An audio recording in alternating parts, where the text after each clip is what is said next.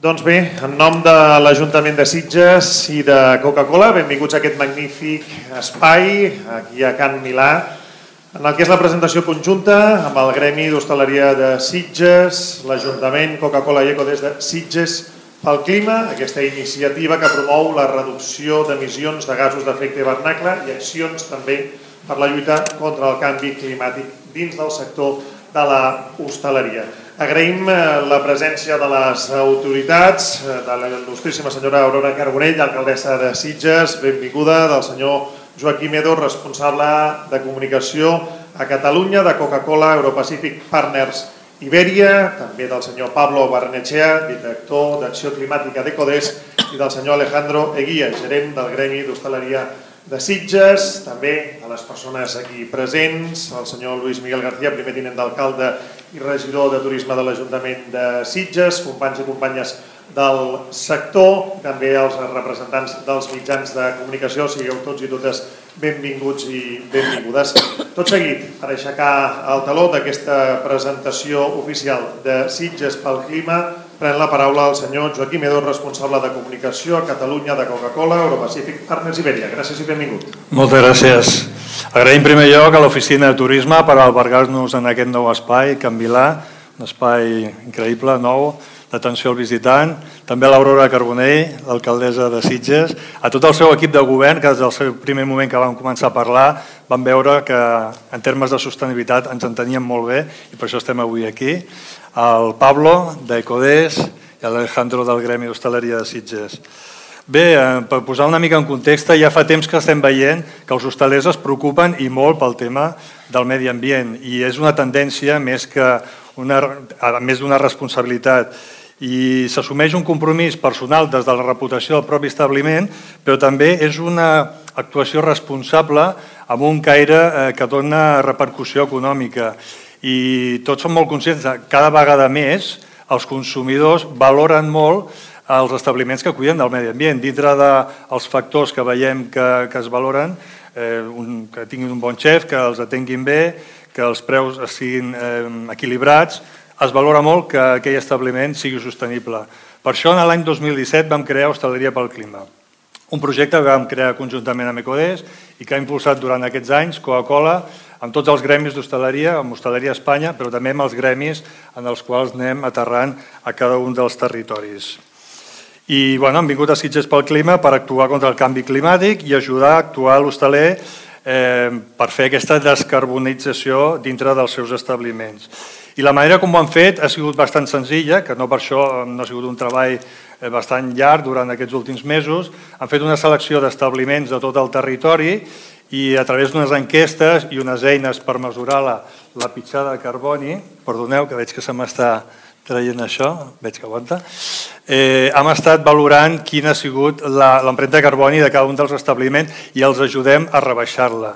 I a través d'aquest qüestionari el que fem és anar a buscar tots els factors que podem canviar, quines accions podem fer a cada un dels establiments. Però, a més a més, també volem posar en relleu quines actuacions ja s'estan fent. Per tant, volem que aquests establiments siguin mirall per a la resta de la societat, per a la resta dels establiments del territori. M'agradaria compartir algunes xifres del que ens hem trobat a Sitges, que han sigut molt, molt positives. En primer lloc, dir que hem arribat a 46 establiments i s'han aplicat fins a 800 accions correctores. És una xifra realment alta eh, i dona, dona una, una claretat de, de que hi ha una preocupació per part dels hostalers a l'hora de, de tenir que invertir en tots aquests canvis. En termes generals, podem dir que el 100% dels establiments eh, treballen amb proveïdors locals, el qual vol dir pues, que es redueix en termes de, de carboni del transport. Això és important. A prop també de, del 100% dels establiments, tots els seus treballadors estan involucrats en el tema del medi ambient, a títol personal.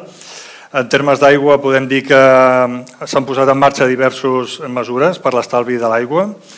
En termes de residus m'agradaria ressaltar el fet de que Sitges ha sigut una nota sobre excel·lent en la part de recollida de paper i cartró.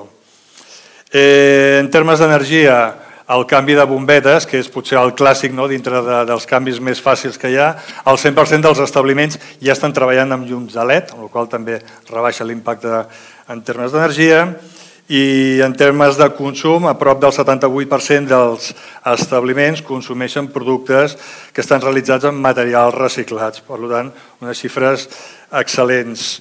Eh, S'han instal·lat reductors de cabal en el 100% dels establiments, vull dir que tots treballen amb uns sistemes que tenen un cost reduït i això eh, afavoreix que no es perdi aigua en tot el cicle de, del funcionament de l'establiment. Eh, també s'ha fet un assessorament perquè es contractin energies elèctriques 100% renovables i potser un dels puntals i que també m'agradaria posar en relleu un pla de recomanació d'envasos que tenen diverses vides i aquí és on el nostre equip comercial de manera molt eficient han presentat eh, les nostres ampolles retornables, que portem tota la vida amb elles, la, la petita per consums d'aperitiu, la més gran per menús, i que d'aquesta manera pues, també eh, treballem una ampolla que té 25 usos de mitjana. Això ajuda també molt en el tema dels envasos. Catalunya en general és un territori molt compromès amb la sostenibilitat i queda palès que aquest, aquest eh, projecte s'ha extès a tota a totes les, eh, a totes les províncies. Eh, vam, fer, vam començar les Rambles pel Clima a Barcelona, Després vam anar a la Via Verda que va d'Olot a Girona, fent les vies verdes pel clima. Després veureu algunes imatges de, que fan recull de tot el que hem estat fent.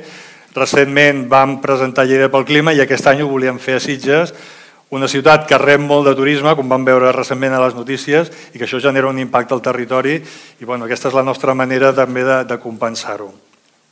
M'agradaria també fer un apunt eh, sobre un festival de la ciutat, que és el Festival de Terramar, que confien en nosaltres i han fet el canvi d'envasos també en vasos retornables. I bé, a modo resum, dic que aquest projecte, tots els establiments que s'adhereixen passen una web que és la Comunitat pel Clima, dintre de la web Hostaleria pel Clima, a nivell nacional portem uns 1.700 establiments i esperem a final d'any arribar als 2.000. Catalunya, concretament, en dos anys n'hem sumaritzat 300 unes xifres que realment estem molt, molt orgullosos. I des de Coca-Cola dir també que, que bueno, podem posar en relleu la nostra responsabilitat marcant objectius per fer coses pel medi ambient. Eh, una d'elles és la nostra, eh, la nostra responsabilitat i marquem objectius per anar millorant les xifres any a any, eh, amb les tres R's, no? el que diem que és reduir, reutilitzar i recuperar, i amb això estem. I dit això, agrair una vegada més a tots els assistents i endavant amb Sitges pel Clima.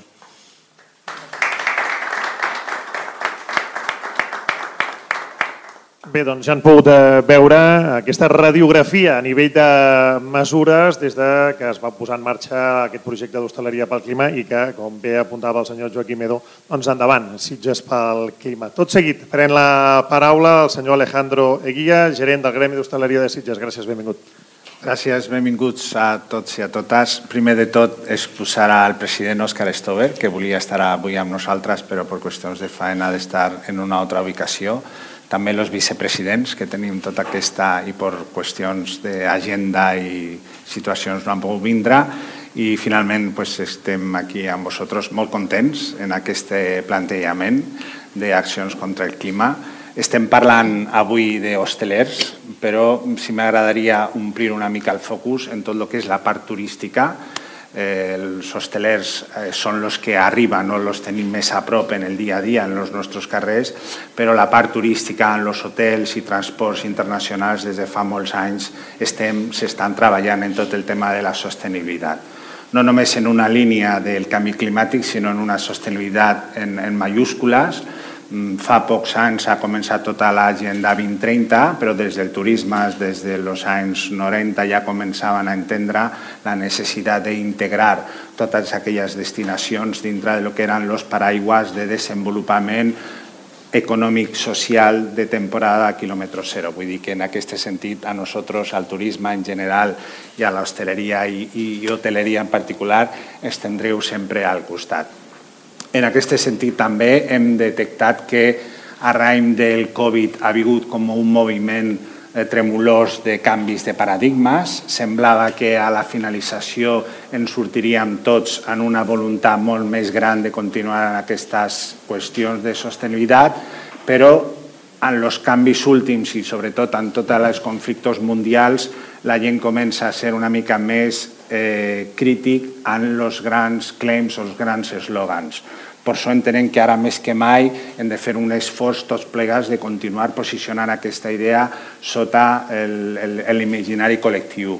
Quan parlem de que tota la societat està per aturar el canvi climàtic o tota la societat està per la sostenibilitat, no s'oblidem que encara tenim països que no estan en aquest sentit. De fet, en Fitur 2022, aquest any, un informe molt potent de CaixaBank Research especificava com aquestes línies de treball eren només de los països occidentals, que després tenim Rússia, tenim Xina, tenim Pakistan, tenim Índia, tenim Brasil, tenim el mateix Estats Units, que no s'està sumant a aquestes causes.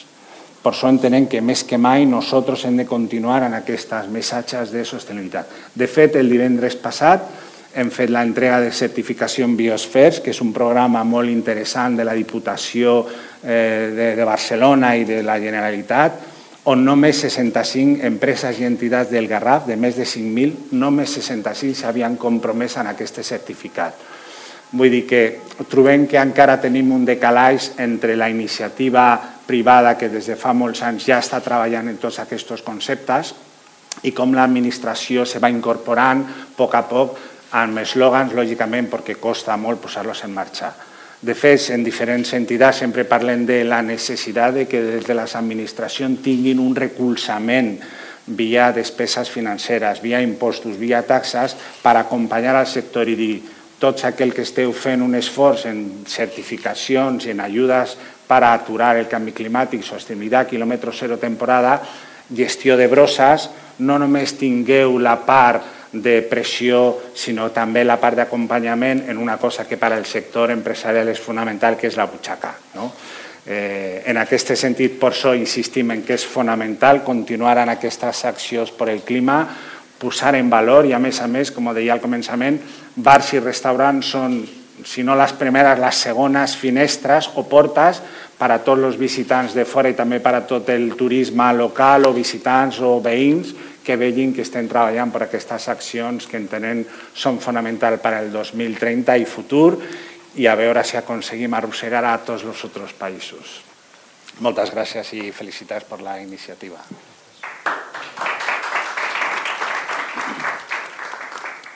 Moltes gràcies. Com han escoltat durant la presentació, aquesta iniciativa va néixer ara fa uns anys gràcies a l'Aliança, la coalició de Coca-Cola i Ecodés. Per tant, tot seguit pren la paraula el senyor Pablo Barrenechea, Direcció d'Acció Climàtica d'Ecodés. Benvingut, gràcies.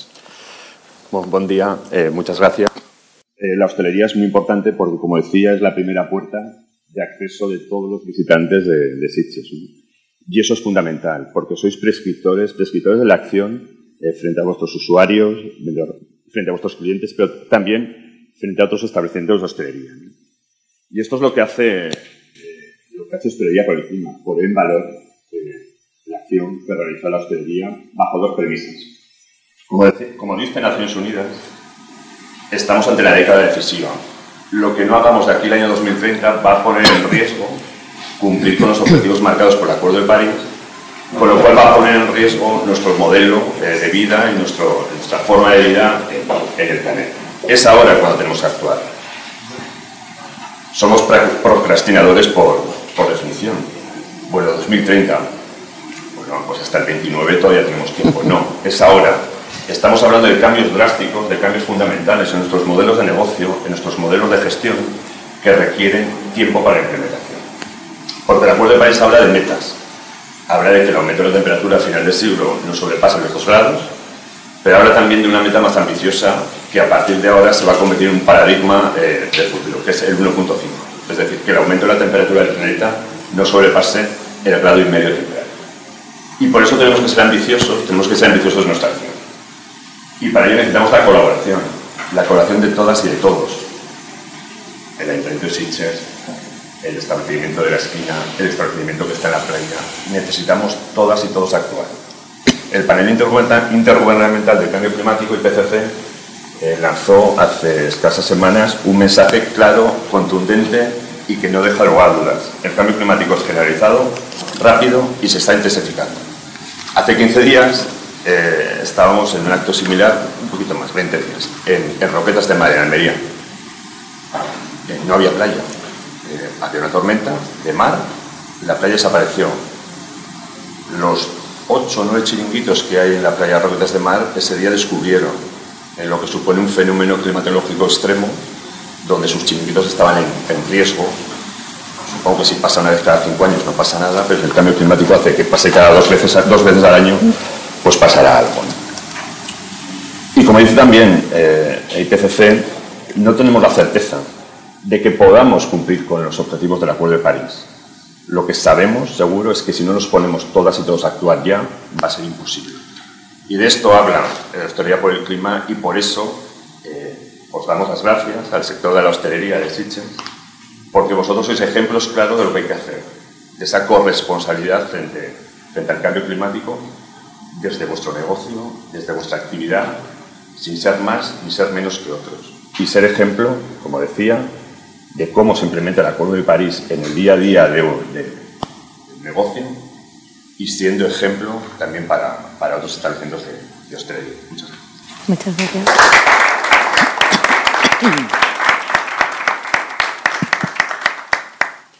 Moltíssimes gràcies per aquestes paraules i tot seguit per tancar de forma oficial el que és aquesta presentació, aquesta posada en marxa de Sitges pel Clima.